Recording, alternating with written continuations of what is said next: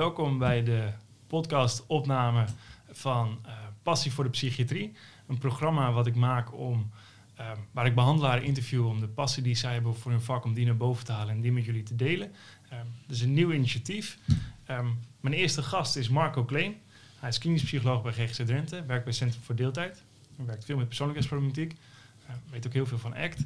Um, en Marco, meteen eigenlijk mijn eerste vraag. Je bent mijn eerste gast. Waarom doe je hier mee? Goeie vraag gelijk al. Uh, ik doe aan mee omdat... Uh, nou, wij hebben natuurlijk gesprekken van tevoren gehad over van nou, wat nou uh, de, de, een passie voor psychiatrie nou is. Ik, ik, beschouw mezelf als iemand die heel erg van zijn vak houdt. En het is een vak wat best wel uh, zo nu en dan uh, ja, in het nieuws komt met uh, regeldruk en vervelende dingen en bureaucratie en dat soort zaken. En voor je het weet denk je dat het alleen maar daarover gaat. Maar ik denk dat het vak ook hele mooie kanten in zich heeft. en ik heb het idee dat wij dat ook een beetje delen met elkaar. Ja. Um, en toen dacht, dacht ik, nou hier wil ik wel graag aan meewerken om, om mijn enthousiasme over het vak nou, ja, duidelijk te maken. En, en mogelijk ook wat andere mensen te enthousiasmeren ervoor. Mooi. Ja. En, en, dat is mijn intentie ook. Want dat vind ik ook nog belangrijk om te vertellen. Ook omdat mensen weten naar wat voor programma's ze kijken. En dat is als ik als behandelaar, uh, als behandelaar, als bemiddelaar, behandelaren spreek. Um, ik merk vaak wat voor passie mensen voor hun vak hebben. En het gaat vaak over de negatieve dingen. Maar als ik dan de. Bij iedereen hoor ik wel een enthousiasme over een bepaald onderwerp. En dan is dat niet de GGZ is een algeheel, maar vaak een specifieke diagnose of een doelgroep. Of, um, dus dat lijkt me ook heel interessant om dit gesprek in te gaan in nou, wat jij interessant vindt. In jouw geval persoonlijkheidsproblematiek, mm -hmm. waarom je graag met ACT werkt. Ja. Uh, om daarop uh, verder op in te gaan. Um, Leuk. Om, uh, hoe we het gaan doen is dat, um, ik ga je daar, daar gaan we het eerst over hebben. Ik heb nog wat kijkersvragen. dus die gaan we ook ergens halverwege behandelen.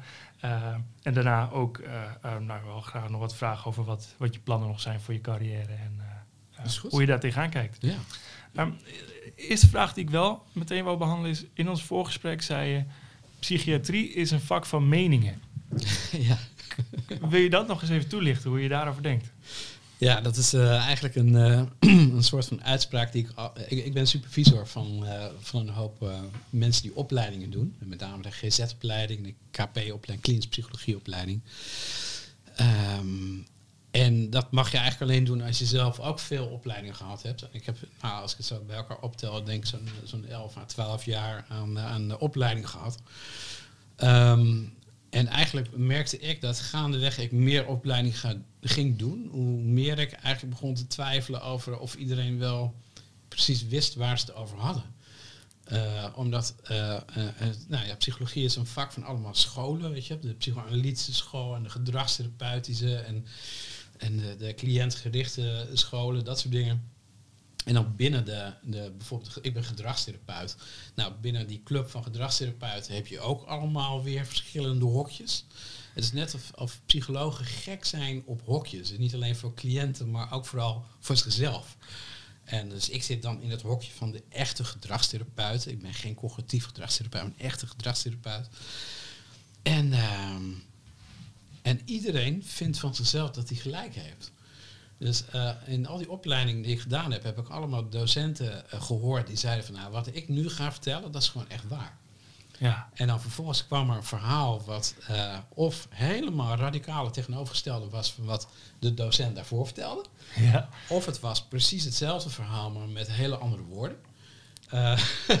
dat ik dacht van hé, hey, maar dit heet toch Weet je wel, in mijn geval, dit is toch act? En dan zegt iemand anders, oh, dat is gewoon mentaliseren. Weet je wel, ja, oké. Okay, nou. Weet je wel, dus het is eigenlijk, lijken al die dingen over, op elkaar. En we hebben allemaal verschillende meningen. En vandaar is mijn uitspraak. Ja, maar dat klinkt ook wel alsof... Is het dan ook zo dat er dan misschien meerdere wegen naar Rome leiden? Dat er meerdere manieren zijn om iemand van zijn klachten af te helpen en te helpen aan beter functioneren? Ja, dat hoop ik wel. Want als het ik hoop dat het allemaal verschillende dingen zijn die mensen doen. Want als het allemaal dezelfde dingen zijn met, met verschillende namen, dan, dan zou je eigenlijk moeten overwegen of je niet gewoon allemaal hetzelfde aan het doen bent.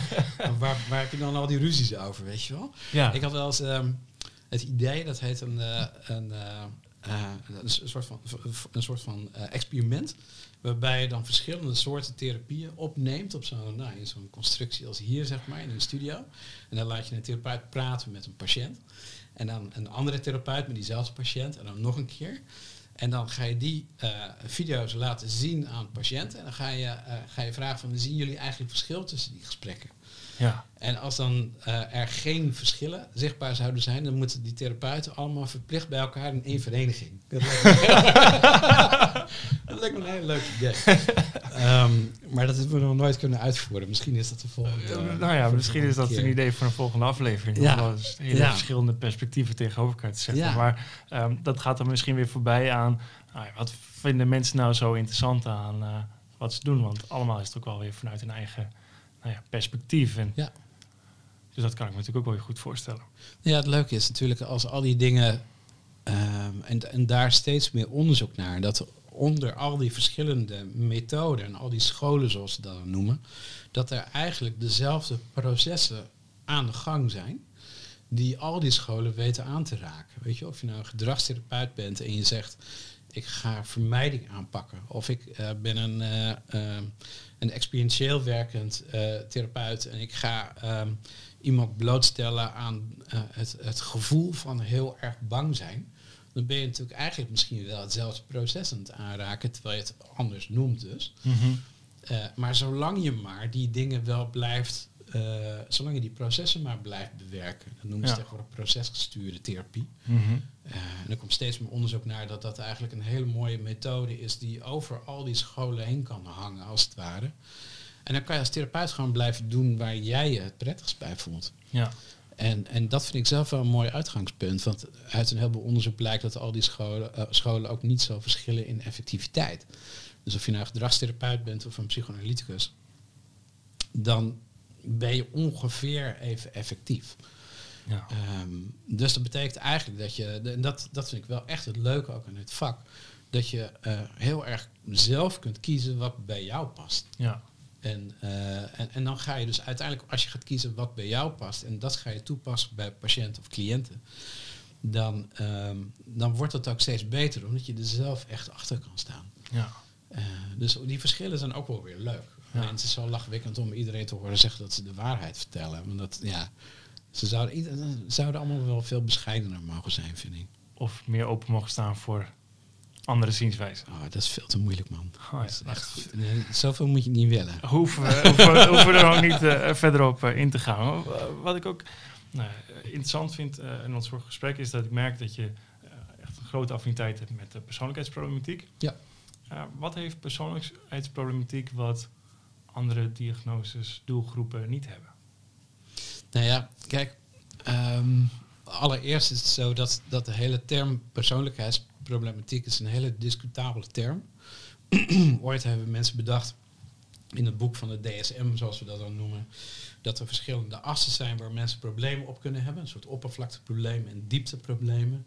Ja. En uh, de diepteproblemen werden dan de persoonlijkheidsstoornissen en de oppervlakteproblemen. Dat zijn dan de, de, de as 1 problemen, zoals ze dat noemen. Depressies en angsten en dat soort dingen. Um, maar dat is echt een menselijk bedenksel. Dus ja. iemand heeft gewoon gedacht van, laten we het gewoon zo indelen. Ja. Um, dus, dus je moet dat een beetje met een korrel zout nemen. Okay. Wat ik leuk vind uh, aan persoonlijkheidsproblemen, is dat ze complex zijn. En is dat die problemen eigenlijk interactionele problemen zijn. Dus het zijn problemen die mensen met elkaar hebben. Ja. Dus bijvoorbeeld, ik werk redelijk veel met mensen met, uh, met borderline persoonlijkheidsstoornis. Uh, en wat die mensen eigenlijk doen, is de hele tijd uh, bij de ander aftasten. Waar ben jij nou precies? Wie ben jij nou? Ben, je, ben jij hier wel voor mij of ben ik helemaal niet mijn eentje? En dat doen ze omdat ze eigenlijk heel erg weinig geleerd hebben dat ze uh, een eigen ik hebben. Die krachtig genoeg is om hier te kunnen zijn en te ac accepteren dat jij er ook bent. Ja. Dus wat doen die mensen? Die gaan eigenlijk jou bijvoorbeeld boos proberen te maken. Zodat uh, ze uh, beter kunnen voelen waar de grens tussen jou en mij zit. Ja. En dat kan je vooral heel makkelijk doen. Als de, die grens kan je makkelijker voelen als de andere wat opgefokt is. Dan weet je, oh ja, nou dit is de grens. Ja. Um, en dat spelletje van die grens opzoeken, dat, gaan, uh, dat doen cliënten ook bij mij. Ja. Dus ze proberen onder mijn huid te kruipen. Eh, door bijvoorbeeld ehm, eh, zich niet aan afspraken te houden of te dreigen met zichzelf iets aan te doen of eh, nou, allerlei, allerlei hele vervelende dingen of, of juist, juist veel te aardig te doen. Weet je wel? Dat je denkt van nou, doe maar even, Ja. blijf maar een beetje op een afstand. Ja. Dus dat, dat de hele tijd dat zoeken naar die grens, dat doet iets met jezelf. Ja. Dus je bent jezelf je eigen instrument omdat je die grens aan het voelen bent. Ja.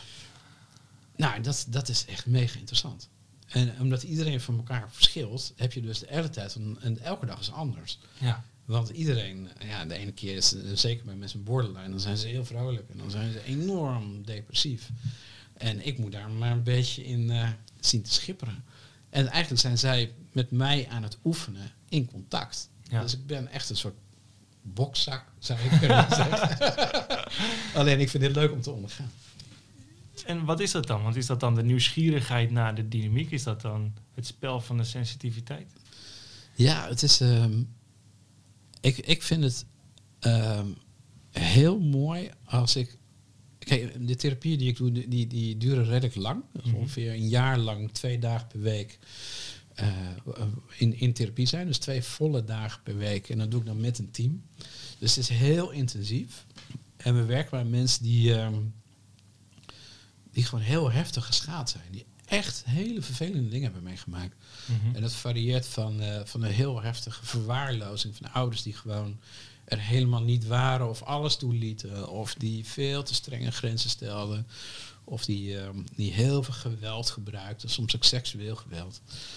Ehm, dus die eigenlijk, die mensen die hebben, die, die, de omgeving was zo bedreigend voor die mensen dat ze eigenlijk geleerd hebben van ik moet er alleen maar mijn radar naar buiten toe aanzetten. Ja. En wat ik die mensen probeer te leren is die radar naar binnen aan te zetten. Om te voelen wat wil jij nou eigenlijk? Wat voel jij nou? Ja. Wat maak jij nou eigenlijk mee? Ehm, en ehm, dat betekent ook, dat daar ben je soms gewoon een jaar mee bezig om alleen maar die radar aan te zetten. En wat er dan door die radar komt, dat is gewoon ruis en, en troepen enzovoort. Het- mensen zijn heel vaak bang voor wat ze voelen. Mhm. En, maar ze maken wel een eerste stapje. Ja. Ze maken een eerste stapje met, hé, hey, dit ben ik, dit wil ik in mijn leven. ja. En dat te zien ontwaken bij mensen, nou, dat, dat is echt super gaaf. En gebeurt in dat ontwaken, gebeurt dat... Want je zegt, je hebt hele lange trajecten met mensen. Ja. Hoe, hoe gaat dat ontwaken gedurende zo'n traject? Is dat iets wat, dus, is dat wat heel langzaam ontstaat of Ja. is dat er ineens? Nee, dat is, dat is iets wat, wat heel langzaam ontstaat. Eh, eh, wat je eigenlijk ziet gebeuren is dat, dat, dat wij faseren de, de, de therapie heel duidelijk van nou, de eerste drie maanden ben je alleen maar aan het wennen aan de groep. En dan ga je drie maanden oefenen in de groep. En dan ga je drie maanden oefenen buiten de groep. En dat, eh, dat wennen aan de groep is eigenlijk de allerbelangrijkste fase. Want daarin leren die mensen dat ze in een veilige omgeving zijn. Een veilige omgeving, omgeving om juist naar zichzelf te kunnen gaan kijken. Ja. En heeft Ehm, dat ook niet... eh, een vraag tussendoor. Ik kan me ook voorstellen dat als je mensen eh, in een groep hebt die allemaal moeilijk, moeite hebben in de, de afstemming en de communicatie met Ja. elkaar, dat het ook wel eens een... Ja. Dat het, ik kan me voorstellen dat het ook een krat, eh, of hoe zeg je dat, een vat... ja, dat is een snelkooppan. Ja, een Ja. snelkooppan kan zijn. Ja, absoluut. Dus Ja. hoe, hoe gaat dat? Hoe, en hoe bewaak je dat het goed Ja, gaat? dat is super heftig. Maar ook heel gaaf om te doen. Dus wat je doet is, je- wat wij doen, is dat we eh, acht mensen met dat soort geschiedenis bij elkaar zetten. Ja. En wij gaan er als team, dat noemen we holding, gaan we daar eh, veilig omheen staan. En we zeggen, nou jullie mogen gaan oefenen binnen die ruimte en wij beschermen jullie. Ja. Ja, dus wij, wij zorgen ervoor dat het veilig blijft in de groep. Ja. We zorgen er ook voor dat als je te bang bent om, eh, om te gaan voelen wat er nou gebeurt en te vertellen wat er gebeurt en om te gaan verwerken wat er allemaal is gebeurd, dan, dan zorgen wij voor die veiligheid. We zorgen voor, voor stimulans en we, we, we zorgen ervoor dat die mensen dat blijven doen met elkaar. Oké. En ja, eigenlijk is dat, ik ben natuurlijk gedragstherapeut, is dat de ultieme exposure. Dus je bent echt mensen aan het blootstellen waar ze hartstikke bang voor zijn en ze leren daaraan wennen. Ja. Dus als je dat maar lang genoeg ondergaat, dat het hartstikke eng is om te zeggen wat je wilt. Nou, bijvoorbeeld, hè, een van de meest voorkomende dingen is dat, eh, dat mensen eh, niet gaan praten in de groep. Dus dat ze te bang zijn om te praten. Ja. Dus ze zitten in een groep en ze zijn heel bang. En op het moment dat ik dan vraag van, nou, is iemand die iets in te brengen heeft in deze sessie? Dan, nee, ik hoef niet. Nee, ga maar voor. Weet je wat, er lijken hele aardige mensen die zeggen, nee, ga maar voor, joh, doe maar. Ja. Maar ondertussen zeggen ze, als jij nou gaat, hoef ik niet. Ja. Dus het is heel angstig. Dus als het nou vijf, zes, zeven keer achter elkaar gebeurt, dan zeg ik op een gegeven moment van, ja, eh, Rob, ik heb jou nou eh, heel vaak gehoord dat, dat andere mensen voor mogen. Maar waar ben jij nou? Doe je, wil je iets, wil je meedoen of niet? En dan zeg je, nee, want de andere mensen die eh, zijn ook belangrijk. En ze, maar volgens mij ben jij hetzelfde aan het doen hier als wat je buiten ook doet. En volgens mij, als je de hele tijd hetzelfde blijft doen, dan verandert er niks in je leven. Dus we proberen om het eens anders te doen. Ja. Wil je proberen om niet als, nou misschien niet gelijk als eerste, maar als tweede iets te zeggen in die groep. Ja. Laten we dat eens gaan oefenen. Ja. Nou, als je zo'n geschiedenis hebt meegemaakt, als wat ik net zei, is dat super eng. Die mensen worden echt letterlijk, ze worden doodsbang. Ja. En er dan voor iemand zijn, van ik weet dat je heel bang bent, maar kom op, we gaan het toch proberen. En ik ben er. Weet je wel, dus ik, ben, ik blijf heel dicht bij iemand. Ja. Ja, dat is, dat is een, eh, een fantastisch spel om te spelen. En dan kan ik me ook voorstellen dat het heel fijn kan zijn om iemand juist daar doorheen te helpen. Ja. Dus dat je het ook echt, nou ja, even Ja. in beeldspraak, hand in hand voor iemand staat van Ja. ik, ik ben er voor je. Ja, maar dat, dat, kijk, dat hand in hand is ook een metafoor wat ik wel eens bij cliënten gebruik. Ehm, wat je eigenlijk doet, is dat je op het moment dat iemand zo bang wordt om dat aan te gaan, dan wordt hij eigenlijk wordt hij zo bang als dat kleine kind wat vroeger die ellende heeft meegemaakt. Ja. Wat je dan doet, is dat je dat kleine kind troost en zegt van ik ben er voor je, ik snap dat je verdrietig bent, maar we gaan wel door. Ja. Weet je wel? Dus ik pak je bij je hand en we gaan wel oversteken bijvoorbeeld. Ja. Weet je, als je het een beetje vergelijkt met, met het oversteken van een hele drukke weg. Je hebt er niks aan als je dat kind gewoon die weg opduwt. En dus, nou weet je, zoek het lekker uit. Dat werkt niet. Nee. En het, het werkt ook niet als je zegt van, ik snap dat je bang bent, dan steek die weg maar niet over. Dan leer je ook niks. Nee. Dus wat je doet, is je pakt een tussenweg. Je pakt de- het handje, handje beet en je zegt van, kom, we gaan oversteken. En ik Ja. weet dat je bang bent. Ja. Wat, wat goed. En wat ik, wat ik Ja. ook wel heel mooi vind is dat, nou, voor de meeste behandelaren zal dit bekend zijn. Maar ehm, wat ik denk ook wel vaak bij persoonlijkheidsproblematiek, dat mensen denken, nou dan is het belangrijk dat je je grens aan, Mhm. dat je je grens aangeeft en dat je duidelijk tegen ze bent. En dat Ja. je een soort, Ja. dat je met je hart tegen ze opstelt. eh, niet vergevend. Ja. Ehm, Nou, hard vind ik, vind, vind ik te hard gesteld. Ehm, wat je doet, is je moet, je moet heel duidelijk zijn. Heel vaak hebben die mensen geschiedenissen van niet duidelijkheid. Hè? Nee, maar d- wat ik dan ook juist zo mooi vind, is dat dit de hele andere kant op is. Dat het juist is dat je tegen iemand zegt, nou, ik, ik ben er voor je. En dat daar dus heel veel compassie vanuit gaat. Ja. Ja. In plaats van dat je, nou ja, dat je wat, wat meestal de associatie is, denk ik. En dat is, ehm, nou, dat zijn mensen waar, eh, die, waar je niet overheen moet laten lopen. En waar je duidelijk tegen Ja, moet maar die kant is er ook. Hè? Ja. Want ehm, tegelijkertijd, een ander proces wat je ziet, is dat mensen, omdat ze dus die grens niet voelen, ehm, eh, dus gaan kijken van kunnen ze jou over een bepaalde grens heen helpen. Ehm, dus wat je gaat meemaken soms is dat mensen veel te lief naar je gaan zijn. Weet je wel? Dus dat ze, dat ze jou heel belangrijk gaan maken. Zo van, ja, maar weet je, eh, als jij dan de, de Mhm. therapeut bent, dan gaan eh, mensen zeggen van, ja, maar ik, ik vind jouw mening gewoon echt heel belangrijk. En eh, hoe moet ik dit nou doen? Ja. Weet je wel? En of ze, ze, ze, ze zullen iets doen als ehm, ehm, dat ze je heel erg boos gaan proberen te maken. Door de hele tijd dwars te zijn, door, door, door ruzies te maken. Door, eigenlijk, wat ze eigenlijk proberen is om jouw aardigheid, als jij een aardig therapeut bent, dan, dan is dat eng voor hun. Dus ze zullen proberen om jou op afstand te houden. Dat kunnen ze ook doen door je boos te maken. Ja. Eh, of, of op elkaar te fitten. Dus door enorme ruzies te gaan krijgen over, eh, over de soms meest kleine rare dingetjes. En soms moet je ook harde grens stellen door bijvoorbeeld op, met zelfbeschadiging of suicidaliteit. Dat je zegt van oké, eh, dit, dit is gewoon de grens van de therapie. En, en als je eh suicidaal bent en je kiest daadwerkelijk voor om niet meer te willen leven, dan, ehm, dan moeten we nu een grens gaan stellen en gaan we nu even niet door met deze therapie. En dan, dan zet ik je bijvoorbeeld op een time-out. Of dan gaan we een week lang gaan we, ga je iets anders doen. Of ga je eh, praten met de crisisdienst of wat dan ook. Maar dan gaan we even geen therapie meer doen. Omdat therapie wel gaat over kiezen voor het leven. Ja. Deze therapie wel in ieder geval. Die gaat over, ik kies echt bewust om te willen leven. Mhm. En soms hoort suicidaliteit daar ook gewoon bij. Dus dat Ja. mensen een soort van achterdeur eh, open willen laten staan van als het leven echt niet meer uit te houden is, wil ik eruit kunnen stappen. Ja. En dat moet je soms ook best wel accepteren als therapeut. Dat je denkt van ja, nou ja, als je dat echt wil, prima. Maar als op het moment dat het overgaat op daadwerkelijk plannen maken of afscheid nemen of heftige zelfbeschadiging of dat soort dingen. Dan moet je op een gegeven moment zeggen van ja, dit kunnen we nu niet hanteren. Nee. Ehm, en we moeten iets anders gaan doen. We moeten gewoon even een time-out nemen. Of misschien zelfs nu op dit moment even stoppen met de therapie. En ik, ik, want als je, eh, ik kan me dan goed voorstellen natuurlijk, als je zo'n groepsbehandeling, dan ik hoor je zeggen, dan gaat het echt over het aangaan van, van je verleden, van Ja. de problemen die je hebt, Ja. eh, je- Ja. jezelf erkennen. Ja. En dat als je in de staat zit van suicidale gedachten, dat dat niet het moment is om dan je kwetsbaar, aan je kwetsbaarheid te gaan werken. Ja, tenzij misschien juist die suicidale gedachte de ultieme kwetsbaarheid is. Dus dat mensen... eh, mensen gaan heel vaak ervan uit... En dat is ook een beetje hoe in de maatschappij die we met z'n allen hebben gemaakt...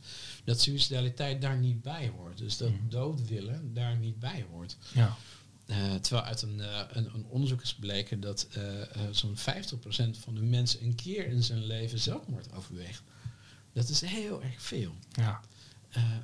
En misschien is wel veel normaler dan we zelf denken. Ja. Er zit een heel groot gat tussen denken aan suicidaliteit en dat voelen en het echt doen. Want ik kan me voorstellen dat je schrikt van de gedachte. Ik kan me herinneren dat ik ben nooit suicidaal geweest, eh, Hmm. langs verte niet, maar ik kan me herinneren dat ik op een hele vermoeide dag eh, vroeger op school nog 15 kilometer naar huis moest fietsen. en Het regende, ik had tegenwind, ik had. Ik dacht, als die vrachtwagen me nou van achter raakt, dan, Ja. dan, dan hoef ik in ieder geval het eind niet meer te fietsen. En dat ik op dat moment ook echt Dat je vol. niet meer hoeft te fietsen. Maar, Instrumentele gedachte. maar, ehm, maar ik, eh, ik noem dit voorbeeld nu, omdat Ja. ik, ik, ik kan me voorstellen dat je natuurlijk kan schrikken van je eigen gedachten. Ja. Nou ja, kijk, ik En denk, ik denk ook dat, dat veel mensen eh, gelukkig schrikken van hun eigen gedachten. En dat, ze, eh, dat, ze, dat de meeste mensen zijn gewoon te bang om het te doen. Dus sommige mensen willen wel dood, maar die willen niet eh doodgaan. Mhm. Eh, dus die zijn, het proces van sterven kan natuurlijk heel pijnlijk zijn. Of heel, heel eenzaam en, en verdrietig. Ja. En dat willen ze vaak niet voelen. Nee. Maar ik denk wel dat wij, ook in de GGZ, zeg maar, ehm, er rekening moeten houden dat, dat we, in, in mijn optiek gaan we suicidaliteit nooit helemaal tegenhouden. Dus dat streven naar nul, dat vind ik een, een heel gevaarlijk streven. Omdat het een hele grote druk legt op wat we echt kunnen. Volgens mij kunnen we dat gewoon helemaal niet. En volgens mij moeten we dat ook niet eh, zo naar buiten dragen dat we dat de hele tijd maar moeten gaan tegenkijken. Als een, een, een cliënt van mij zegt ik wil zelfmoord plegen, dan zal ik alles in het werk doen om hem tegen te houden. Ja. Wat in mijn vermogen ligt. Mhm. Maar ik hou er ook rekening mee dat ik hem uiteindelijk, als hij echt zelf, eh, zelfmoord wil plegen, dat ik hem niet tegen kan houden. Nee. Eh, en dat het iets is wat ik moet accepteren als een onderdeel van mijn werk. Dat mensen zelfmoord kunnen plegen. Ehm, en dat is, eh, dat is gewoon een keiharde werkelijkheid. En dat, dat is ook voor, voor behandelaren eh, loodzwaar als het gebeurt. Ja. En dat heb ik helaas ook wel eens meegemaakt in, in het team waar ik werk. Ja. En, ehm, maar weet je, ook dat, hè? Ik bedoel, we hebben het over passie voor de psychiatrie. Ook dat hoort bij die passie. Bij die passie hoort ook dat je de realiteit onder ogen ziet. En dat je kijkt van, eh, wat is nou mogelijk in je werk en wat is niet mogelijk. En wil ik daar dan in werken? Mhm. Als je zegt van, nou, ik, eh, ik wil, wil absoluut nooit eh, zelfbeschadiging of suicidaliteit tegenkomen, moet je niet met persoonlijkheidsstoornis gaan werken. Maar dan ga je het in de psychiatrie sowieso moeilijk krijgen. Want ik denk niet dat er een hele eenvoudige problematiek bestaat. Nee. En ehm, wat ik ook wel vaak hoor is dat het ook wel belangrijk is om bepaalde zaken te normaliseren. Ja. En dat, dat, dat klinkt dit ook wel een onderwerp. Ja, in. zeker. En, Ja. ehm, Ja. ik, als ik het zo hoor, is het heel goed om een ambitie te hebben om, om nul, naar nul suicides te gaan. Eh, hoe ambitieus het ook is. Maar Ja, ik denk, maar zelfs, ik maar denk zelfs die am- ambitie al gevaarlijk is. Maar ik kan me voorstellen wat je dan bedoelt. Bedoel je dan te zeggen dat de ambitie uitspreken, dat gaat tegen het normaliseren in, waardoor we het niet meer over kunnen hebben? Ja, sterker nog, ik denk, en dat eh eh, Flip-Jan van Oenen, die heeft er een heel mooi boek over geschreven, het mis, misverstand psychotherapie. Die zegt, eh, dat dat juist hetgene is wat de GGZ eigenlijk in de problemen brengt. Als je mensen vertelt dat je succesvol kan zijn in ze ofwel gelukkig maken of zelfmoord voorkomen. Omdat er twee dingen zijn die we eigenlijk helemaal niet zo heel erg goed kunnen. Dus je moet, je moet eigenlijk heel bescheiden zijn over je vak. Je kan, eh, je kan een heleboel dingen wel bereiken. Uh, je kan een heleboel mensen veel beter laten functioneren. En je kan, ehm, je kan, je kan denk ik een hoop mensen in een soort waardevolle richting laten gaan. Maar Ehm, een bepaald percentage aan zelfmoord hoort gewoon bij het menselijk bestaan. Ja. En een bepaalde hoeveelheid lijden uh, uh, hoort gewoon bij het hebben van een, een menselijk brein. Ja. Weet je wel, ik, ik zeg wel tegen cliënten van uh, zet een, een, mens op een probleemloze wereld. En het eerste wat hij denkt is, hé, hey, waarom zie je geen probleem? Dan heb je weer een probleem. Ja. Weet je wel, dus het menselijk brein is gefixeerd op problemen. Die kan niet zonder problemen. Maar dat is ook een overlevingsstrategie die we hebben natuurlijk. We zijn niet geprogrammeerd om altijd gelukkig te zijn. Nee, absoluut. Maar, ehm, en dan ga ik, ga ik even een, uh, tegen de, de richtlijnen waarschijnlijk van mijn eigen gedragstherapievereniging in. waar ik het zeker niet altijd mee eens ben. Um, um, ik denk dat, dat, dat, je, uh, dat je lang niet alles zo goed kunt behandelen als dat, er, dat we zeggen.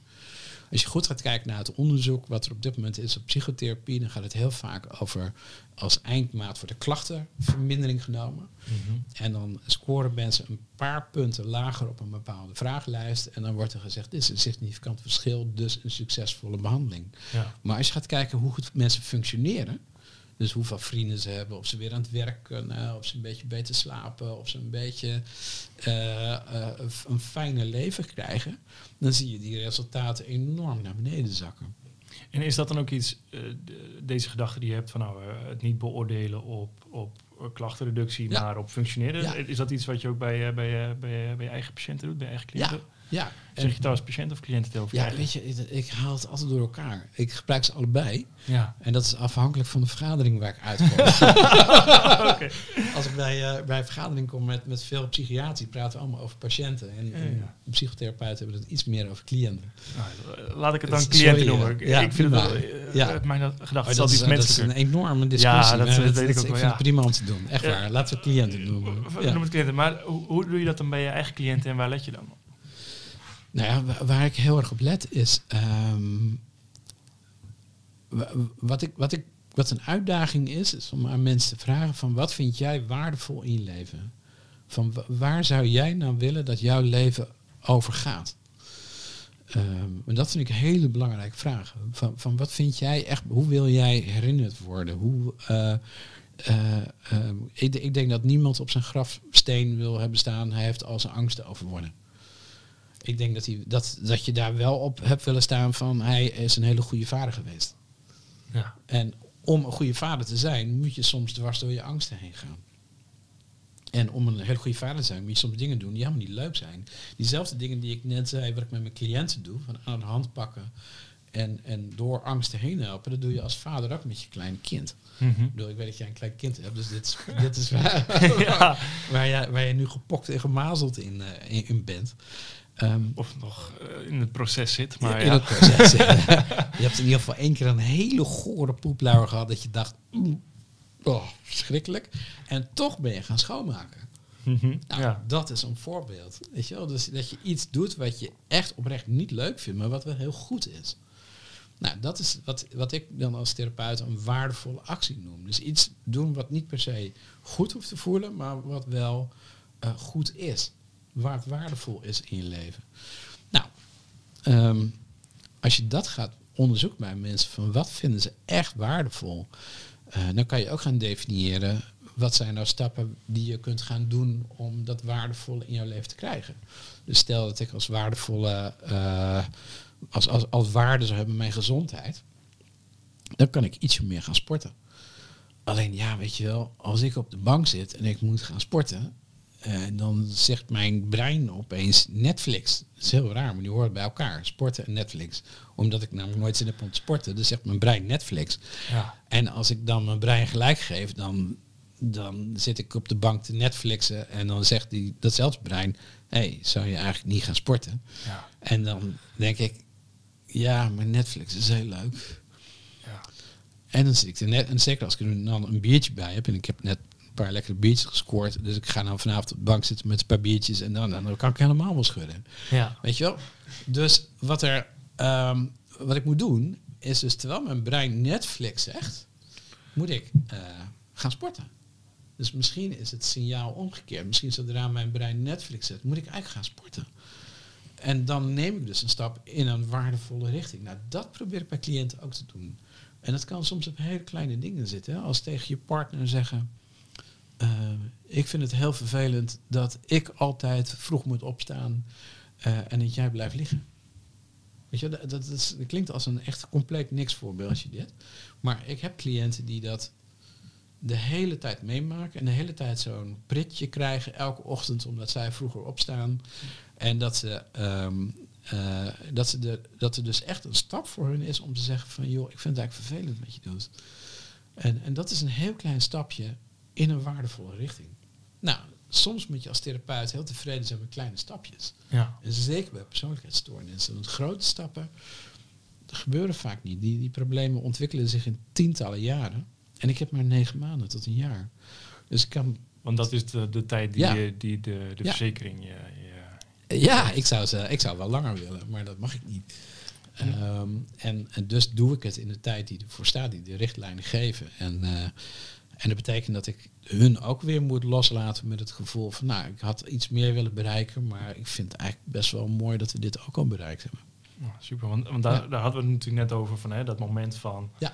hè, dat, eh, hoe noemden we het net ook weer, dat je, eh, je, je had er net een mooi woord voor, dat mensen, eh, dat, ze, dat mensen de stap maken, dat ze dat, Ja, dat is een waardevolle stap. Dat is een, een waardevolle richting.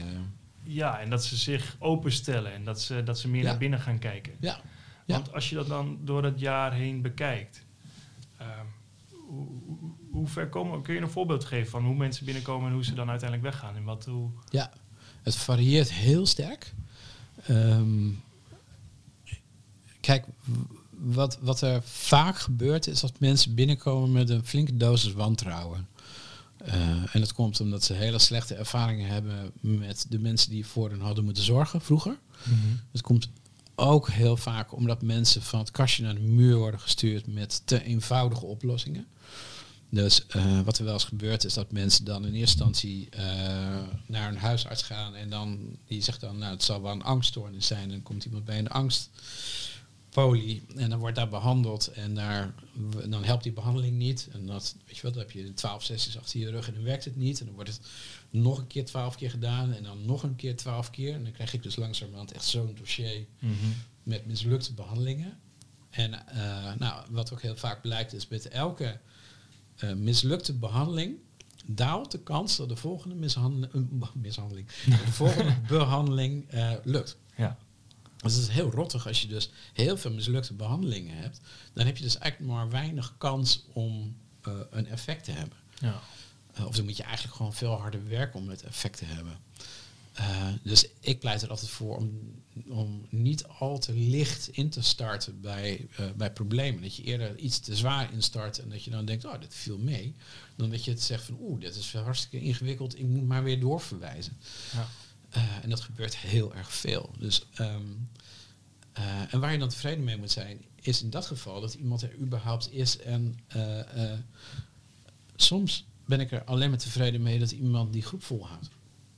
Weet je, als je mensen hebt met hele heftige hechtingsproblemen, die eigenlijk zich nooit hebben kunnen hechten aan wie dan ook, omdat degene die er voor hun moest zorgen hun misbruikte. Ja, dan ga je dan maar eens dichtbij staan bij iemand. Laat dan maar iemand toe. Dat is hartstikke eng. Ja. Dus soms is het feit dat ik aan, aan het einde van zo'n behandeling, uh, dat ik een beetje dichterbij heb mogen komen, is, is hartstikke mooi. En soms zie je mensen die echt een, een levensverandering doormaken. Weet je wel, het, het gebeurt regelmatig dat er, um, en dat is echt een waarschuwing die we mensen ook geven, dat er, dat er relaties sneuvelen. Dus dat mensen halverwege zo'n uh, uh, behandeling erachter komen van, ja, eigenlijk is mijn relatie helemaal in de lijn met alle problemen die ik heb. Ik heb ook een mishandelende partner getroffen. Ja. Nou, en dan maken mensen mee dat ze daarvan af willen. En dan gaan ze nieuwe stappen maken in hun leven. Dat kan ook. ja. Met, omdat ze zien dat die relatie een gevolg is Ja. van. Ja, en dat, dat, is, dat is vaak een eye-opener voor mensen. Dat, eh, datgene wat je vroeger hebt meegemaakt. Dus dat je eh, bijvoorbeeld geweld in je gezin hebt meegemaakt. En dat je dan vervolgens eh, gewelddadige vriendschappen krijgt. En dat je ook een gewelddadige partner krijgt die geweld op jou toepast. en dat je op een gegeven moment in zo'n therapie als het ware wakker wordt. En dat je denkt, hé, wat is nou de overeenkomst tussen mijn relatie en vroeger? Dus weet je, dat, als therapeut kijk je ernaar en zeg je, ja, het is hetzelfde. Mhm. Maar als cliënt is het heel vaak, nou, daar heb ik nog nooit over nagedacht. Nee. En, en dat, is, dat is spectaculair om soms die puzzelstukjes te zien vallen. Dat je echt denkt van, van, van dat je zo'n mooie lijn van vroeger naar nu krijgt. Dat, je, denkt dat iemand het helemaal opeens voor zich ziet. En denkt, oh, dit wil ik niet meer. Ja. Hier ben ik zo zat van. Weet je, en dan gaan ze iets anders doen. En heel vaak is het ook zo dat ze dan iets anders gaan doen. En dat je dan als therapeut denkt, eh, doe maar even rustig aan hoor. En, zo, eh, en dan, nee, ik ben helemaal enthousiast, weet je wel. Dat is heel mooi. Ja. Ja. En soms zie je dus ook heel hard naar beneden vallen. En dat hoort er allemaal bij. Mhm. En dat, is, dat vind ik ook echt het leuke, weet je wel. Het is, ehm, het is niet zo eenduidig. Het is allemaal verschillend. En, en, en eh, cliënten verschillen van elkaar, problemen verschillen van elkaar. Je hebt mensen met dezelfde soort geschiedenis met een compleet ander probleem. Eh, je hebt mensen met dezelfde problemen en compleet andere geschiedenissen. Dus het is allemaal. Het, het is ook echt als therapeut is, is het een puzzel die je aan het maken bent. En dat moet je leuk vinden. Ja. Dat, en dat, dat vind ik heel erg leuk. En dan, is het ook wel echt kicken dus als je... Ik weet niet of kicken het juiste woord is, maar... Qua mishandeling is kicken. Nou, Ja. best wel. Ja. Maar in ieder geval dat je, dat je wel eh, het een heel mooi moment kan zijn dat als je die zo'n puzzelstukje ziet vallen. Dat kan ook echt kippenvel zijn. Dat je echt in een, in een ruimte met iemand zit en dat je iets ziet vallen en dat, je in, dat iemand in één keer denkt: Wauw, dat is heel, heel heftig. En dat, dan, dan zie je iemand echt helemaal eh, ja, bijna, bijna schudden, zeg maar. Je ziet veel verdriet. En, en het, het, het allermooiste wat je kan afkomen is dat je er ook nog bij kan lachen. En dat klinkt een beetje gek, maar in de meest ellendige momenten in therapie hoor, daar horen ook lachbuien bij. Dat je echt denkt van, nou, nou, wat een puinhoop. Ja. Weet je wel? En dat je daar met een soort lucht naar kan kijken. En dat je denkt, oké, dit is mijn leven. Je nou zien. Weet je wel? En, en, en dat je daar dan als therapeut echt bij mag zijn. Dat, dat iemand jou toestaat om dat samen een beetje uit te puzzelen. Ja, dat is wel heel gaaf. Ja, ja. Ja, want ik kan me dat het echt wel op dat moment dat is leven kan levensveranderend zijn voor Ja, iemand. absoluut. En tegelijkertijd, wat, eh, nou, wat ik ook wel eens heb meegemaakt. Ik had op een gegeven moment een, eh, een, eh, een cliënte en die had ik een jaar lang in behandeling. Dat was in een andere setting, was gewoon, die had ik individueel in behandeling. Een jaar lang met een hele zware depressie. En het ging moeilijk, moeilijk. En ongeveer op een drie kwart jaar, zeg maar, op, depressie weg. Hartstikke vrolijk, helemaal supergoed. Dus ik dacht uiteraard, want ik ben natuurlijk een hele goede therapeut, dacht ik van, eh, ik geef goede therapie man. Dat is echt heel goed. Dus ik vraag aan haar van, zo, de therapie die eh, slaat goed aan hè? Zegt ze, nee, ik heb een relatie.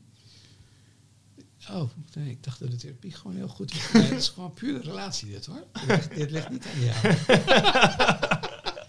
dus weet je, je moet ook niet overschatten wat je eigen impact is. Weet je wel, je, heel vaak ben je maar een bepaald percentage van iemands leven. Ja. Eh, en is er een veel groter leven omheen. Dus als je als therapeut denkt, ik ben levensveranderend, dan denk ik, nou, heel vaak is het gewoon wat iemand zelf doet hoor. Ja. spontaan. En dat kan ik me heel goed voorstellen, maar ik spreek ook veel behandelaren die ook wel eens iets hebben, hè, die wel de andere kant op hebben. Ja, wat voor verschil maak ik nou eigenlijk? Ja. Ja. Ehm, Ja. En wat ik me dan ook wel weer. Dus ik geloof ook wel dat er ergens een balans Ja. natuurlijk ligt. Want je zal, ongetwijfeld heb je op mensen een grote Ja. invloed gehad. Ja, weet je, ik- de- de- ik denk dat elke therapeut zeg maar dat een keer krijgt. En die krijg je, ik, ik heb hem meerdere keren gehad. Ehm, en ook dat hoort er een beetje bij. Gewoon heel erg twijfelen aan wat, wat, wat kan je nou echt en wat, wat, eh, wat kan je niet. En waar liggen je mogelijkheden en waar liggen je beperkingen. Ik vind het wel interessant om, om, om, daar wat nou ja, op door te vragen. Want heb je wel eens aan jezelf over je eigen behandelkwaliteiten getwijfeld? Dat je dacht van wat ben ik nou eigenlijk aan het doen? Ja, eh, en eigenlijk doe ik dat heel vaak. Eh, en het grappige is dat eh, hoe meer opleiding ik ben gaan doen, hoe meer ik ben gaan twijfelen. Dus ik ben niet. ik dacht altijd van, nou, ik ga heel veel opleiding doen. En dan weet ik steeds meer waar het over gaat. dat is gewoon echt niet waar. Eh, hoe meer opleiding doet, hoe meer, in mijn geval dan in ieder geval, misschien heb ik het helemaal verkeerd gedaan, dat kan. Maar ben ik steeds meer gaan denken van, ja, maar ehm, wie ben ik nou om dit te doen of zo, weet je wel? Eh, eh, maar dat, eh, het grappige is, als je die twijfel gewoon toelaat, eh, dat, je, dat je contact met je cliënten beter wordt. En hoe doe je dat dan? Nou, gewoon door, wat ik zei, door het gewoon toe te laten. Want ik, eh, redenerend klopt dat natuurlijk ook wel een beetje. Van, het is natuurlijk heel vervelend voor een cliënt die echt behoorlijke problemen in zijn leven heeft. En die soms in de meest verschrikkelijke shit omstandigheden zit. Om dan tegenover een therapeut te zitten die het helemaal voor elkaar heeft. Die zegt, ja, ik weet precies wat ik doe. Ja, jij hebt pijn ook van je leven, maar ik heb het echt heel erg goed voor elkaar. Nou ja, ik, ik denk dat ik dan als cliënt daar alleen maar beroerder door zou voelen. Dus het feit dat je op een gegeven moment denkt van ja, maar wie ben ik nou? En misschien ook wel in de openheid richting je cliënt. Dat je durft te zeggen van ja, weet je, het enige wat ik kan doen eh, is jou adviseren. Ik kan je alleen maar vertellen. Je, je hebt in, in, eh, eh, in ACT, dus die, die, die Mhm. therapievorm die ik wel schreef, heb je de metafoor van het bergbeklimmen. Van ehm, jij bent als cliënt jouw berg aan het beklimmen en ik ben mijn berg aan het beklimmen. En het enige voordeel als therapeut is dat ik een enorm groot verrekijker heb en dat ik kan kijken wat jij aan het doen bent. En dat ik eh, kan zien van nou, als je het paadje links neemt, dan kom je tegenover een hele grote hellende rots. En rechts lijkt een makkelijk mooi paadje. Dus het enige wat ik kan doen is roepen vanaf mijn berg en zeggen van je moet naar rechts, want dat is waarschijnlijk een mooie paadje. Met waarschijnlijk in... eh, ja, waarschijnlijk. Want voor hetzelfde geld staat er een enorm- enorme beer om de hoek. ja. Weet je wel, dat gebeurt echt wel eens dat je denkt, oh, dat had ik niet helemaal voorzien. Ja, ja. Ehm, maar dat je, dat je, dus je kan alleen maar roepen en iemand advies geven. Maar iemand moet zelf die stappen nemen. Mhm. En daarin zit, zit bij persoonlijkheidsproblematiek best wel wel eens een dingetje. Omdat mensen, als ze zich eenmaal overgeven als het ware aan therapie, dan ook wel zo ver kunnen zakken dat ze denken van, ja, nou doe ik ook helemaal niks. Nou moet jij maar zorgen dat ik mijn stappen ga zetten. En dat is ook iets wat ik vaak wel hoor. Dat mensen ook wel beu zijn. Dat hier weer iemand binnenkomt en denkt... Nou, ik heb dit probleem. Hoe ga jij, hoe ga jij dit Ja. oplossen voor mij? Ja, dat ga ik gewoon niet oplossen. Nee. En dat moet je ook heel eerlijk tegen mensen zeggen. Ik ga, ik ga echt jouw problemen niet oplossen. Ik wil samen met jou kijken hoe we jouw probleem kunnen oplossen. Of hoe jij jouw probleem kan oplossen. Ehm, maar als ik de problemen van een cliënt ga oplossen, ja, dan, dan, eh, dan gaat mijn tarief gewoon enorm omhoog. ja, dat Ja. zou ik ook meteen doen. Ik zou meteen heel duur worden. Ja, Iemand heeft er namelijk helemaal geen ene moer aan als je dat doet. Die leert niks. Eh, nee, en je hebt natuurlijk ook maar de ruimte. eh, Ja. Iemand die komt. nou, Jullie zien ze dan niet, mensen wat vaker, maar je hebt ze ook alleen maar dat deel van de, Ja. van de dag natuurlijk. Ja, nou ja, dat ook. Maar bovendien, waar het natuurlijk om gaat, is dat die mensen die hebben eigenlijk een geschiedenis gehad waarin het niet om hun draaide, waardoor het probleem is ontstaan. Ja. En vervolgens leggen ze eh, de, het eh, moeten oplossen bij jou neer en draait het leven dus weer niet om hen. Nee. En dat moet je eigenlijk tegen hun zeggen. Zo van, ik vind het eigenlijk best wel mooi dat je mij zo vertrouwt dat je dit zo in mijn handen legt. Maar eigenlijk leg je je verantwoordelijkheid en je autonomie weer weg. Ja. Dus wat wil je nou? ja. Dus dan is het goed om daar duidelijk eh, over te zijn. Ja, Ja. En, Ja. en als je het dan ook even hebt want over die twijfel. Dus je zegt van nou, hoe meer ik over hoe meer ik ben gaan leren, hoe meer ik ben gaan zoeken naar Ja. oplossingen eigenlijk, hoe onzekerder ik ben geworden. ja. en dat is Eh, best dat, dat is iets wat gewoon erbij hoort en wat eigenlijk ook best wel grappig is. wat je ook gewoon de ironie voor moet zien. Natuurlijk. Ja. Het is, het is wat dat betreft, ik denk dat eh, een grote valkuil van psychotherapie en misschien de mensheid in het algemeen is dat we onszelf veel te serieus nemen. En vooral psychotherapeuten, oh, die kunnen echt zo fucking serieus zijn. Ik zat in mijn, eh, ik heb een keer in mijn GZ-opleiding, heb ik echt gewoon een soort van uitbarsting richting mijn eh, GZ-clubje gehad. Omdat ik opleiding deed in, in, een, in een centrum voor deeltijdbehandeling in Friesland. Met allemaal psychotherapeuten. En zodra er een grapje gemaakt werd, en werd er zo serieus op gereageerd. Dat ik echt dacht van, eh, als dit het vak is, er zit helemaal geen humor in. Dat is helemaal niet leuk. Nee. Ehm, en gelukkig ontdekte ik toen eh, op een gegeven moment de provocatieve therapie. Dat is echt een hele, hele leuke invalshoek waarbij humor heel erg centraal staat. En daarna dus ACT, wat heel erg op, op zen-boeddhisme gebaseerd is. En zen-boeddhisme heeft heel veel humor en heel veel paradoxen. En, en een van die paradoxen is van, nou, je moet je, je moet je brein niet zo serieus nemen. Want zo leuk is je brein ook weer niet. Nou ja, eh, ik, ik kan me voorstellen dat het, eh, dat het voor heel veel mensen eh, goed advies zou zijn om daar ook nou, voor zichzelf misschien over na te denken als ze Ja. twijfelen. Ja, en als ze nog niet twijfelen, dan moeten ze dat bij deze gaan doen. Dubbel advies. ja. Nee, echt waar hoor. Ik denk dat, dat eh, een van de, de, de mooiste dingen die je, de mooiste houdingen die je als therapeut kunt hebben, is, het- is het niet begrijpen. Dus denk van ja, ik snap het gewoon ook niet helemaal. Weet je, ik, eh, eh, ik vond het een hele rare gedachte op een gegeven moment die ik had, ook als vader. Dat ik, eh, als ik, als ik nu naar mijn, mijn hele situatie van mijn leven kijk, en ik heb best wel een paar dingen meegemaakt, dat ik dacht van, ik klooi maar wat aan joh. Ik, eh, ik doe maar wat. Wel zoiets. En toen dacht ik in één keer, zou mijn eigen ouders en mijn eigen vader, zouden die dat ook gehad hebben? Van, ik doe maar. Want ik heb altijd het idee gehad dat zij precies wisten wat ze aan het doen waren. Ja. Maar zouden ze dat ook gehad hebben? En dat vind ik een hele rare gedachte. Dus Ja. bij deze leg ik die vraag bij mijn vader neer. Maar Ik hoop dat hij luistert. ik hoop het ook. ja, maar eh, ik vind het een hele, hele rare gedachte om. Je, je, je hebt zo'n hele lijst van woorden, van emoties die niet veel gebruikt worden. Ik ben dus op internet is dat te krijgen van hele moeilijke woorden voor aparte emoties.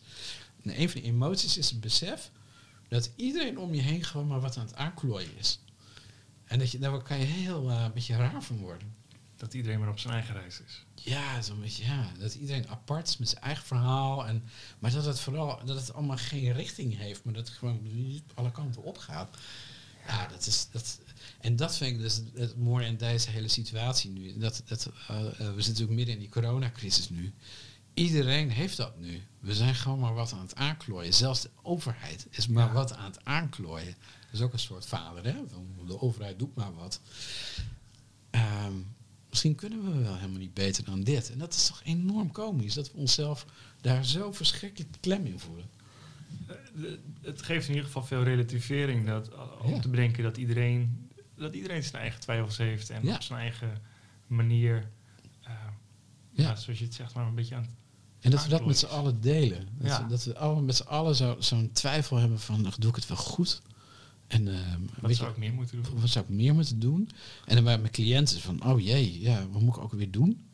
Dat heb ik heel vaak bij cliënten gehad. eh, als ze, als ze eh, weer zo'n sessie binnenkomen en dat ik dacht, wat is de geschiedenis ook weer? Wat heeft hij, eh, hoe zit het dossier ook weer in elkaar?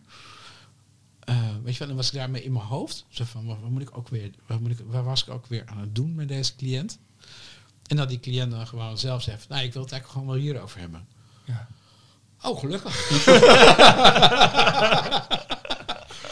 En dan, en dan voel ik meteen oplucht. Oh, Ja. En dat is ook het leuke aan werken met persoonlijkheidsstoornis. In ieder geval, de, ik werk met cluster B vooral. Dus Ja. de, de, de druktemakers. Borderline, theatraal, antisociaal. En, eh en vooral narcistisch. Dat is, dat is echt heel... Die, die hebben altijd iets. Dus op het moment dat jij als therapeut denkt... Van, moet ik ook alweer? Dan gebeurt er gewoon wat. Je kan, wel je weer bezig. je kan wel even achterover hangen. en Ja, je hoeft eigenlijk niks te doen. Zien wat er Het gebeurt en daarop inspelen. Ja, Ja. Eh, ik kan me ook voorstellen dat dat eh, interessant is om te zien en eh, ja. de dynamiek die ontstaat. Ja. Nou, volgens mij is het tijd voor wat eh gasten-kijkersvragen. Ik ben benieuwd. De eerste is van, ik denk dat je hem kent, Tim Batink. Ja, Even kort, kun je vertellen wie Tim Batink is? ja Tim Batink is in Nederland een van de act-deskundigen. eh, die daar ook op gepromoveerd is. Eh, en die, die weet daar heel erg veel van. En ik heb volgens mij ergens een vage afspraak met hem dat ik ook zo'n soort van video voor hem zou maken. Oké. Maar daar had ik geen tijd voor. Sorry, Tim. Oh, kijk.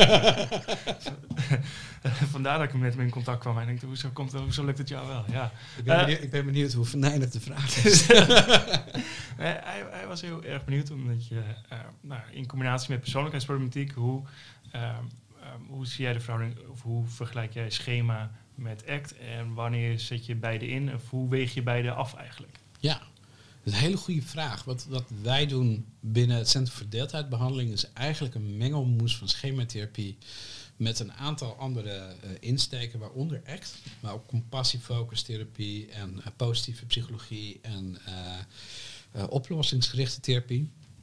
Dat lijkt elkaar wat te bijten, maar we hebben daar een mooie balans in gevonden. Wat wij eigenlijk voornamelijk doen, heel kort, dat noemen we contextuele schematherapie.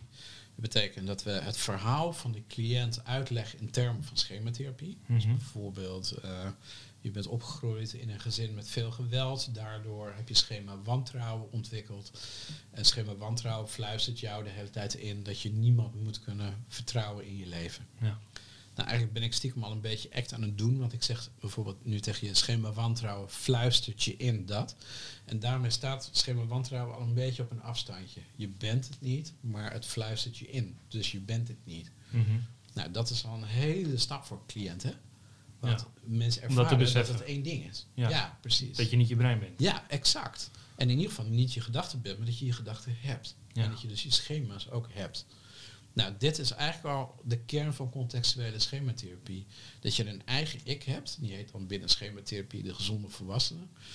En die kan observeren dat er een schema wantrouwen meepraat, als het ware, als een duiveltje vanaf je schouders. En tegelijkertijd dat hij denkt, dit is maar een schema en ik moet nou het goede doen. Het goede kan bijvoorbeeld zijn ehm, eh, een relatie aanhouden, terwijl je eh, eh, eh, tegelijkertijd eh, het heel eng vindt om te doen, omdat je eh, gewend bent dat de mensen die dichtbij je sta- staan, dat die je pijn gaan doen. Ja. Eh, maar je hebt vanuit jezelf de behoefte om samen met iemand te zijn. Dat heeft elk, elk mens heeft dat. Elk kind heeft dat om samen in veiligheid met elkaar te zijn. Dus als je die behoefte gedaan wilt hebben in je leven, voldaan wil krijgen in je leven, zul je over een bepaalde grens heen moeten. Mhm. Nou, en dat, die grens wordt moeilijk gemaakt omdat het schema de hele tijd tegen je zit te fluisteren dat iedereen tegen je is. Mhm. Nou, dus wat wij doen is eigenlijk schematherapie. Dus uitleggen, dit is jou gebeurd en daarom zit dat schema op je schouder. En tegelijkertijd doen we ACT in de zin van eh, eh, blijven functioneren in een goede richting terwijl dat schema tegen je praat. Dus eigenlijk een bewustwording. Eh, dus de, eigenlijk kun je het schema zien als bewustwording. Van hé, hey, mijn schema is actief. Ja, En ja, ACT is eigenlijk klopt. hoe, ga ik, eh, hoe ga ik hier beter in? Nou, in de boeken die erover geschreven zijn, heet het ook eh, schema bewustwording, schema awareness. En dan ondertussen ga je de, de, met het schema om door niet het schema te bestrijden. Dat is eigenlijk wat er in, in klassieke schematherapie gebeurt. Dan ga je het schema proberen te ontkrachten. Ehm, en wij doen dat eigenlijk niet. We leren mensen met schema's te leven. Dus je hoeft helemaal niet te vechten tegen het schema. Je hoeft het alleen niet aan het stuur te zetten van je leven.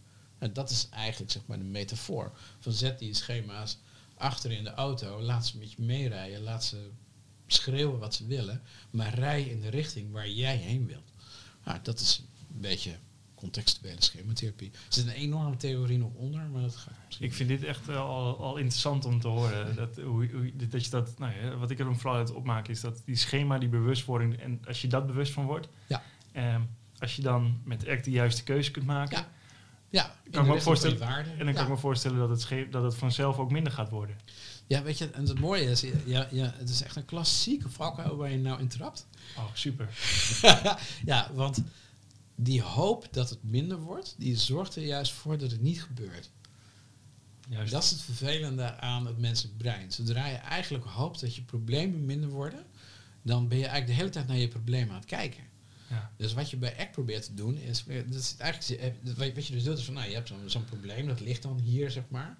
En als je hoopt dat het minder wordt, dan ben je eigenlijk dit aan het doen. En dan zie je eigenlijk gewoon, er is helemaal niks meer. En wat je bij ACT probeert te doen, is, het probleem mag blijven bestaan. En wij kijken er nu samen naar. Maar ik heb ook contact met jou. Ja, Terwijl ik het probleem heb. Ik heb het probleem niet opgelost. Ik heb het gewoon hier in mijn handen. mag er zijn. Het mag er gewoon zijn. Alleen, wij zijn zo gefocust op dat het probleem weg moet.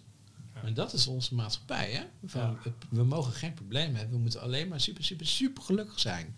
Weet je wel, wat Dirk de Wachter in zijn boek Borderline Times beschrijft. We zijn niet blij met gewoon gelukkig. Dit mag er niet zijn. Ja, Nee, het mag er wel zijn. ja, Dat is wat je probeert te leren. ja.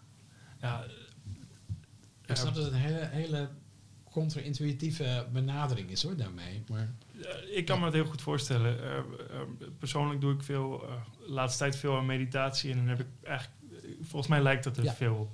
Nou, het grappige is dat de meeste mensen meditatie doen vanuit een een wil om ontspannen te worden.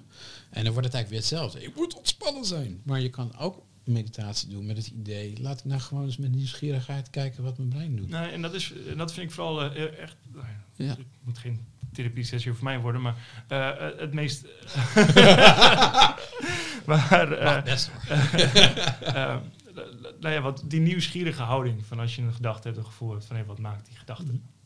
Dus dat vind ik wel heel erg mooi. Om nog eh, ehm, een nieuwe andere vraag erbij te pakken. Ehm, van Elke Oosterhof. Ehm, die stelde de vraag, ehm, nou ja, niet alleen behandelaren hebben met persoonlijkheidsproblemen te maken, maar nou bijvoorbeeld de ouderenzorg, Mhm. ehm, Ja. ook gewoon de mensen aan het bed. Wat voor adviezen zou je hen geven om goed om te gaan met verschillende soorten eh, persoonlijkheidsproblematiek? Ik, vind, ik vond die vraag echt een hele mooie, want deze kwam binnen via LinkedIn. Ehm, en ik heb er echt een lang over moeten nadenken. En het grappige is dat ik tegen een hele eh, rare, rare muur bots. Namelijk dezelfde muur die mensen met persoonlijkheidsstoornissen hebben, heb ik met ouderen. Dus dat ik dacht van, ja, eh, ouderen, eh, daar werk ik dus niet mee. Weet je wat, dat was het eerste wat, ik, wat, wat mijn brein zei. Van, ja, ouderen, daar werk ik niet mee, dus daar weet ik niks van. En later dacht ik, dat is precies dat hokje waar, waar we het Ja. de hele tijd Ja, over ja, hebben. ja, ja. Ja, dus ehm, ik heb er echt wat, wat verder over zitten nadenken. Ik denk dat het belangrijkste is bij persoonlijkheidsstoornissen, is dat je, je eh, de behandelaren, en of het nou eh, therapeuten zijn of verpleegkundigen of wat dan ook, dat je ze leert volhouden. Dus dat je leert, eh, mensen mogen dit gevecht met me aangaan. Ik ga er alleen niet in trappen. En om dat vol te houden, dat is echt iets waar opleidingen iets in kunnen doen. Dus opleidingen niet alleen over de technieken gaan laten hebben van hoe eh, voer je een bepaalde psychologische of verpleegkundige of wat dan ook techniek uit. Maar vooral hoe ga je zelf sterk genoeg worden om dit soort problemen te kunnen hanteren. Eh, Flip van, Jan van Oenen had een heel mooi voorbeeld in zijn boek. Die zei van, er zit, zit eh, een, een man in schil, zit in, een, zit in een trein. En er komt een moeder met een klein kindje, komt er tegenover zitten. En dat kindje zit te kijken naar die man die scheel is. En het volgende halte stapt die moeder en het kind uit. En dan zegt die moeder, het kind zegt tegen de moeder... Kijk, wat die meneer kan, dat kan ik ook. Alleen hij kan het veel langer.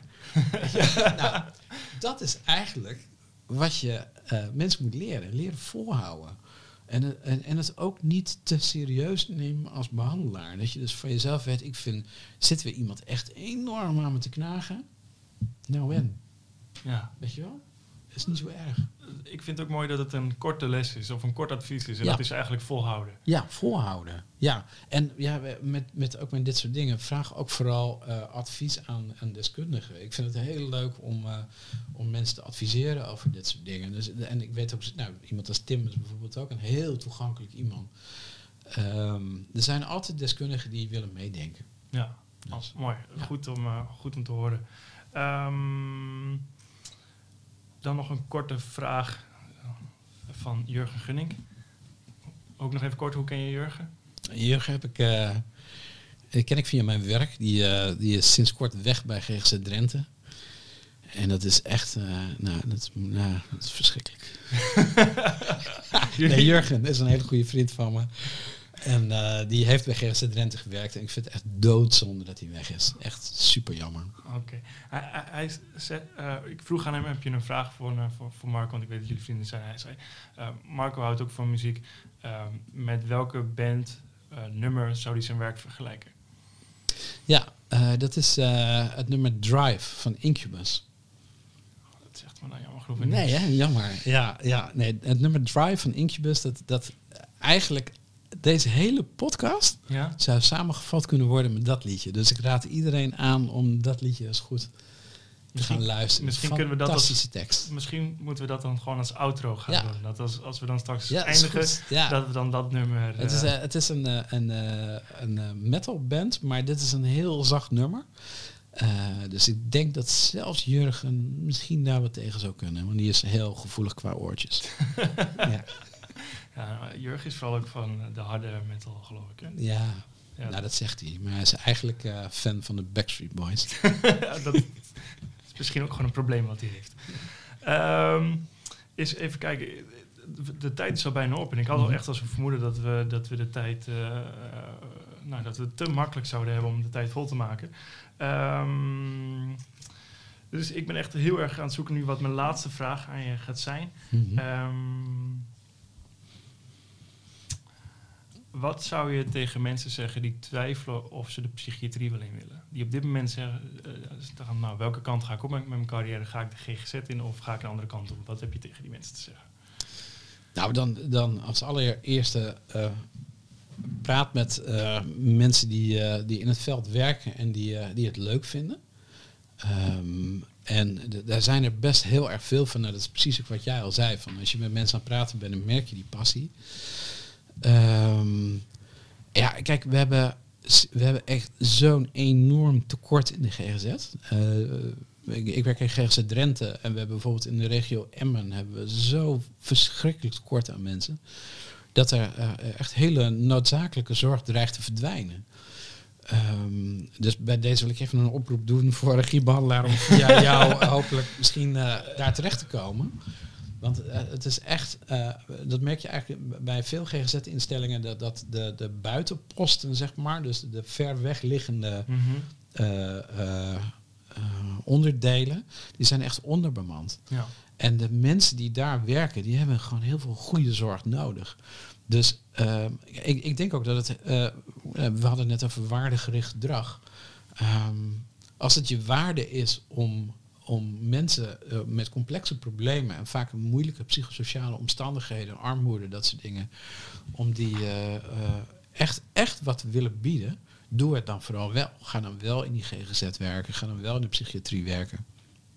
Want het is echt een heel mooi vak waar je, waar je in kan ontwikkelen. waar je, nou ja, of, of hele serieuze dingen kan gaan doen, zoals mijn, mijn collega's doen, of er luchtig tegenaan kijken, zoals ik. Eh, en, en alle variaties daartussenin. Ja. Dus eh, ik, ik, en, en alsjeblieft neem contact met mij op als je twijfelt, want ik, eh, wil er graag meer over vertellen. Oh, kijk, hartstikke goed. Ik hoop dat mensen dat gaan doen. Ja. En dat vind ik het ook wel belangrijk te zeggen nog vanuit mijn functie als arbeidsmiddelaar ook. Hè, want je zegt ook, hè, de regio Emmen is een voorbeeld Ja, van waar, zeker. Ja. nou, waar steeds minder mensen willen werken. Hoogveen, Emmen. Omdat de afstand vaak te ver is vanuit waar mensen wonen. Ja. Eh, ehm, en tegelijk zijn in mijn optiek kunnen deze buitenplekken juist het meest interessant Ja. zijn, omdat daar voor je carrière de meeste mogelijkheden zijn. Absoluut. St- Stel je hebt ambities om meer met leiderschap te gaan doen of meer, nou, eh, pak je kans. Daar wordt zeker. geboden. Eh, Ja. Stel dat je de eh, ambities hebt om inhoudelijk eh, een kant op te gaan. Het is, Eh, het is een hele mooie specifieke problematiek ook die je daar hebt, die, die best taai is. Dus je moet, je moet echt wel tegen een stootje kunnen. Ehm, maar tegelijkertijd, ja, de uitdaging is fantastisch. En het is inderdaad jammer dat die, dat die afstand daar zo in zit. En tegelijkertijd denk ik ook voor mensen die, die, die het, het ervoor over hebben en echt iets willen betekenen voor mensen, die kunnen daar heel veel goeds doen. Ja. En dat is ook iets wat mensen graag willen doen. Daarvoor worden veel mensen hulp verlenen. Ja, en, en precies. Dus eh, kijk, en natuurlijk is het, eh, als je stel je woont in Groningen en je moet naar Emmen, dan zit er een praktisch nadeel aan. Ja. Maar de voordelen, en als mensen dat interessant vinden, dan mogen ze ook altijd contact met mij opnemen. Die zijn er ook legio. Want organisaties die willen echt wel meedenken Ja, over hoe, Ja. eh, hoe ze het voor je makkelijker kunnen maken. Ja, en je krijgt, je krijgt zulke leuke collega's. Ja, ik bedoel, je, je had natuurlijk vroeger Jurgen die daar werkte. Ja. Die was echt heel leuk, maar er zijn ook hele leuke mensen voor teruggekomen. ja, nee, ik, ik weet het. Ik heb eh, met meerdere mensen gesproken daar. eh, ehm, ja, ik, ik, ik ga er altijd wel met energie ook wel weer vandaan. Ja. Ehm, Dus dat is een mooi, mooi advies voor. eh, Ja. en nog een praktische vraag ook. Je hebt al een paar keer het boek van Oene genoemd. Flip-Jan van Oene. Flip-Jan Ja. van Oene. Ja. Ehm, ik zorg in ieder geval dat daar ook dat in de, de notities komt. Graag. Dat mensen, Ja. Want ehm, dat was een van de vragen. Misschien kan ik hem dan toch stiekem nog stellen. Eh, want als je een boek zou mogen aanraden over de psychiatrie, welke zou je aanraden? The Hitchhiker's Guide to the Galaxy. En waarom die? Omdat als er één boek is wat de hele boel enorm relativeert, dan is het dat boek. Eh, het, eh, het is een uh, Hitchhiker's Guide to the ja, Galaxy. ja, van Douglas Adams. Dat is dus geen, geen vakboek. Nee, maar weet je, het, het, het boek heeft, het is een, een filosofisch science fiction verhaal. Eh, met zoveel fantastische eh, filosofische inzichten. Die je, als therapeut kan je daar net zoveel uithalen als, eh, nou, meer dan de DSM in ieder geval. Maar meer dan een gemiddeld leerboek. Dus ik zou dat erg aanraden. Het mooiste is, ga ik een hele praktische, praktisch dingetje geven bij, wat je bij cliënt kan gebruiken. Er staat de truc van het vliegen zonder vliegtuig. En de truc van vliegen zonder vliegtuig is dat je op straat moet lopen en je moet dan met je gezicht naar voren springen. Ja. En dan halverwege vergeten waar je mee bezig bent. En zolang je vergeet waar je mee bezig bent, dan vlieg je. maar zodra je denkt, wat ben ik aan het doen, dan donder je op de grond. Ja. Nou, dat is heel vaak het eindpunt van een goede therapie. Je problemen zijn niet weg. En zodra je aan je problemen denkt, dan zijn ze er meteen weer. Maar er zijn momenten waarop je even vliegt en waarop je het een beetje vergeet. En dat je leven gewoon gaat zoals het wil. En zodra dan iemand zegt, hey, hoe is het eigenlijk met je schema wantrouwen? Ping, dan Is zit hij hij er er. weer en dan donder je op de grond. Nou, dat soort inzichten die vind je niet in een gemiddeld eh, therapieboek. En wel in Hitchhiker's Guide to the Galaxy. Terwijl die, als je het zo zegt, zo voor de hand liggend is. Dat mag ik maar zeggen. En het boek van Jan-Willem Oene, Flip Jan van Oorlog. Flip Jan, Ja. bij Jan-Willem, Eh, Flip Jan van Oene. Dat is het boek dat gaat over, Ja, voor het misverstand psychotherapie. En het eh, zet eigenlijk de, de, de, maakt een mooie schets van hoe de, de werkzaamheid van therapie en de bescheidenheid die therapeuten daarin zouden moeten hebben. En met name over suicidaliteit en mensen gelukkig maken en dat soort dingen. Dat je eigenlijk moet zeggen van joh, een beetje bescheidener mag wel. We doen goed werk, absoluut. Maar we zijn niet heilig. Dat moeten we ook niet willen zijn. nou, dat, is, eh, dat vind ik een mooie afsluiting dan. En een eh, mooie, mooie adviezen. Eh, bedankt voor dit gesprek. En ik heb echt nog heel veel vragen die ik niet heb gesteld. Dus eh, misschien moeten we het ook maar in de toekomst gewoon weer een keer, keer overdoen. Is goed? Prima, dankjewel. Helemaal goed. Bedankt Marco.